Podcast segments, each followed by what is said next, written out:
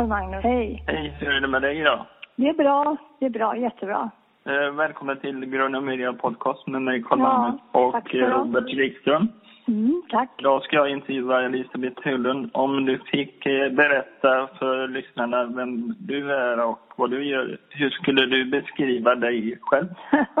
det skulle ta ett år att beskriva mig. Men jag är 70 år. Jag bor utanför Stockholm i ett litet hus, torp i skogen. Jag eh, jobbar som ja, frilansjournalist. Jag är konstnär. Jag är gammal tävlingscyklist med goda meriter bakom mig. Jag tränar mycket. Jag målar tavlor, ja det sa jag. Och jag skriver på min blogg varje dag och jag eh, är, ja, jag är jag är faktiskt väldigt känd kan man väl säga i och med att jag har jobbat många år på Sveriges Television och gjort mycket tv-framträdanden och sådär. Så jag vann På spåret i vintras och jag blev tvåa på På spåret året innan. Jag har deltagit i Let's Dance. Jag har gett ut två, fem böcker och ja, ett otal artiklar och krönikor i Expressen och Aftonbladet. Jag har gjort väldigt mycket.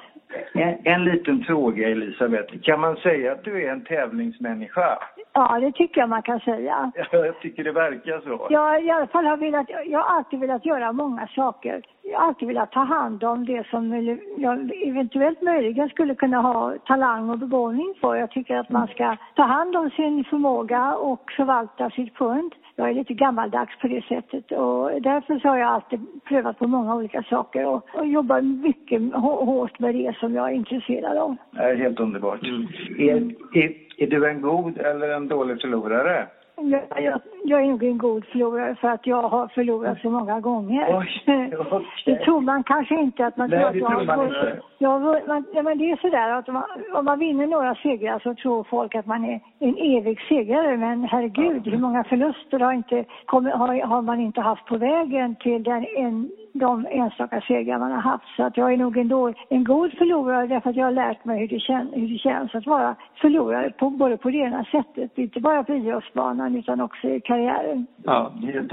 Hur ser en dag ut för Elisabeth Höglund? Eh, Idag, ja, en dag, normal dag så går jag upp på morgonen, äter frukost, vilar mig lite efter frukost. Jag har, alltid, jag har haft en svår sjukdom, jag har haft cancer, opererat för cancer och har ofta problem med magen. Men sen vilar jag mig kanske någon timme och sen börjar jag, går jag upp och börjar skriva eller måla. Eh, måla på tavlor. Jag har flera tavlor. Jag ska ha en utställning i Spanien sent i höst, en konstutställning och jag måste måla en hel del tavlor fram till dess. Eh, jag, sk- jag skriver på min blogg, brukar, men det gör jag oftast på kvällarna. Jag äter, äter lunch med min man och sen så, ja, så fortsätter jag jobba och så trä, tar jag träningspass på två timmar, åker ut med min racercykel och kör tre mil till exempel. Och, och, sen, ja, och sen så kommer jag hem och så duschar jag och, eh, och sen fortsätter jag att göra någonting och sen äter vi middag och sen fortsätter jag att göra någonting igen. Skriver någonting eller skriver en blogg. Så småningom kanske vid elva, halv tolv så går jag och lägger mig. Oj, oj, oj. Du Elisabeth, hur, hur går det med ditt fantastiska hår när du duschar? Jag måste Ja, bara fråga. Har, ja. har du stor badmössa eller hur, hur går du tillväga? Ja, går, jag har ju inte något stort, stort fantastiskt hår längre kan jag avslöja. Jag Du har inte det? numera, nej, det där lockiga hår som du är ute efter som du hittade på bilder Ja, från, ja. från, 10, från 20, 20-talet sådär. Det, det, ja, jo, jag låter det växa men jag sätter upp håret numera i flätor. I flä, så, att, eh, så att jag har en annan frisyr idag än vad jag hade och det är inga problem att duscha med den. Det var bara, bara härligt. Det- Det har aldrig använt duschmössa för övrigt. Nej, nej usch, det, det verkar besvärligt. Jag hade ju tänkt att fråga det här med cyklingen. Du har ju bland annat fem stycken guld i svenska mästerskapen. Ja. Det, det är ju helt fantastiskt. Du Känner mig ganska bra så för. länge, Ja, du kommer att cykla så länge du lever nästan, skulle jag kunna tänka. Ja, ja, så länge vädret tillåter kan jag säga. Så länge Ja. jag lever, ja, det tror jag jag kommer göra.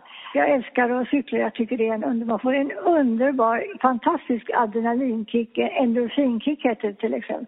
När man cyklar och man njuter av naturen och ja, det är så fint och det är så vackert och, och ska gå fort och ja, man känner sig så fri och, och sen är det skonsamt för kroppen, jag menar om man Ja. inte ramlar omkull förstås, då, då är det Ja, ja, skonsamt. precis. Jag håller med dig fullständigt. Mm. Helt underbart. Du har ju skrivit ett antal böcker och speciellt om jämställdhetsfrågor. Eh, Jag har inte skrivit en bok speciellt om jämställdhet, men jag har skrivit böcker som riktar sig till kvinnor i hög grad. Ja, ja.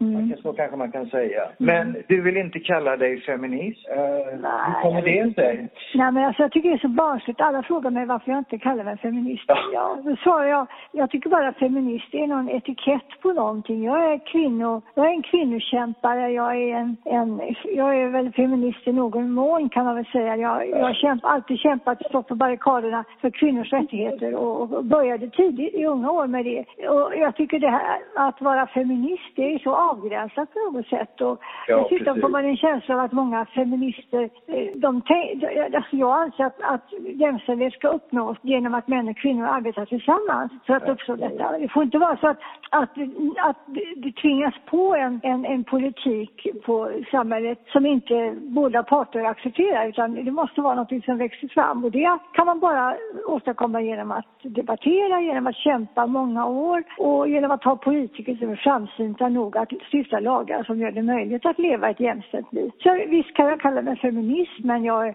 jag, är, jag, jag, jag känner på sätt att det är ett ytligt, en ytlig etikett ja. som vem som helst kan sätta på sig, till och med män. Bara, bara för att de ska vinna röster i ett val. Jag tycker det, på sätt, det har förlorat lite grann av sin eh, forna ja. glans, det där uttrycket. Det... Vilken är den mest intressanta personen du intervjuat?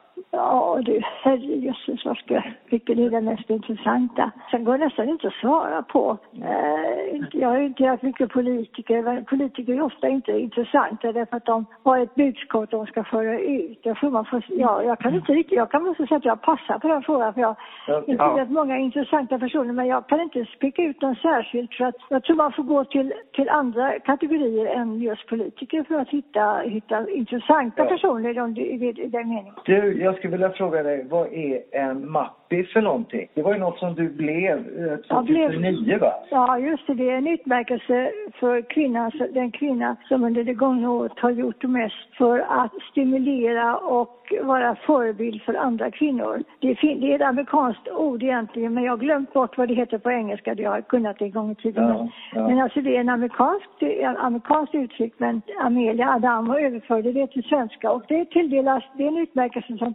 tilldelas en kvinna som har under det gångna året eh, gjort, har varit en förebild för andra kvinnor, stimulerat andra kvinnor, gärna lite äldre kvinnor. Så att jag, jag tycker att det är en väldigt bra jag tycker det är ett väldigt bra pris. Jag tycker det, det passar. Jag, jag tycker att jag har förtjänat det faktiskt. Ja. Mm, det skulle jag vilja ha varje år. Ja, precis. Nej men härligt. Härligt. Ja. Du har skrivit eh, böcker. Är du aktuell med någon ny bok eh, på Bokmässan eh, i Göteborg? Nej, ja, jo, jag är faktiskt aktuell i en bok på Bokmässan. Det är en bok som heter Rosa kokbok, kokboken. Det är en, en journalist som heter Anna Benson som för andra eller tredje året i rad ger ut en stor kokbok där kända intressanta, spännande kvinnor dels får laga gott, en god maträtt, sen berätta om sig själva. Och jag finner de kvinnorna. Så att, och de vill att jag ska åka till Bokmässan. Jag tror inte jag hinner det. Men, men jag finns med i den antologin, att säga. Men ja. jag har inte skrivit någon egen bok. Men jag har ju planer på att skriva en bok. Men jag får, det, får, jag, jag får, det här hösten är lite jobbigt för att sätta igång ja. ett bokprojekt också. Så jag får vänta lite. Du, du får ta det lite försiktigt så att, eh, ja. så att du inte blir utbränd, för det kan man ju bli. Va? Ja, även jag kan bli ut, även jag, sådana som jag kan bli utbränd. Men då går jag, när jag känner mig utbränd, då går jag och lägger mig och sover lite. Är du själv bra på att laga mat? Ja, det är jag. Alltså min man lagar, så jag, så jag var sjuk 2011 och var väldigt, väldigt dödssjuk och dålig. Så började min man laga all mat och nu fortsätter han med det. Men vi brukar laga mat tillsammans på helgerna när vi äter lite godare saker. Men jag är bra på att laga mat, ja det är jag. Ja, det låter härligt. Mm. Eh, Elisabeth, vi ska snart avsluta nu. Ja. Eh, men då har vi någonting som heter eh, stafettfrågan och du, du kan säkert förstå vad det är.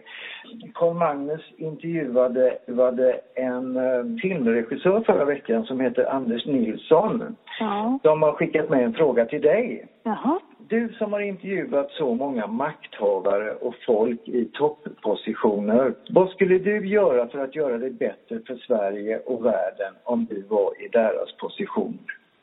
Det var en mäktig fråga va? Ja, det, det vad jag skulle göra för, för att göra världen bättre. Ja, ja, det är en jättestor fråga så att jag vet inte men jag skulle i alla fall jag skulle i alla fall göra det som ingen gör idag, nämligen att handla. Alltså, jag menar agera. Jag menar, idag pratar, pratar våra makthavare väldigt mycket skit och de lovar och lovar och lovar och de planerar att de ska göra si och så. Men det händer ingenting. Jag menar, om det åtminstone bara kunde hända lite grann av det som man pratar om så tror jag världen skulle bli mycket bättre. Men det är väldigt många människor som vill förbättra världen men de, har inte or de orkar inte och det finns så mycket motstånd. Men jag menar, se till att driva igenom de reformer man har lovat så kommer man en bra bit på vägen. Det, det är ett råd jag kan ge, men, jag, men frågan är så ja. enorm. Ja, så att jag, ja, precis. jag skulle behöva vara Gud för att kunna liksom utföra ja. någonting här. Va? Då skulle vi vilja fråga om du ville skicka med en fråga till... Till Håkan Juholt eh, som jag ska intervjua nästa gång. Ja, Håkan Juholt, före detta eh, partiledare. Ja, jag har väl själv varit ute och kritiserat Håkan. Men jag skulle fråga honom hur han gjorde för att orka ta sig igenom den kris som han hamnade i när han, blev, när han fick offentligt schavottera i samband med, med att han avsattes som, eller mer eller mindre avsattes som partiledare. Hur klarar han den krisen, alltså psykologiskt och fysiskt, eller framförallt psykiskt? Hur bearbetade han den krisen? Han kan få berätta om det. Det undrar jag också verkligen. Mm. För mm. han, han fick ju så mycket skit om du ursäktar ja. uttrycket. Så ja. det, det var ju inte klokt. Va? Nej, det var mycket på en gång verkligen. Det, det, ja. det var förfärligt. Ja. Men vi skickar vidare den frågan. Ja, gör det. Ja. Ja. Och så får vi säga att det var jättetrevligt att få prata med dig. Ja, tack för det. Ja. ja. Hoppas vi hörs eller syns någon gång i Vimlet. Ja. Det gör vi säkert. Ha det jättebra. Tack för nu. Detsamma. Ha en fin dag. Detsamma. Detsamma. Ja, hej. hej då. Hej. hej.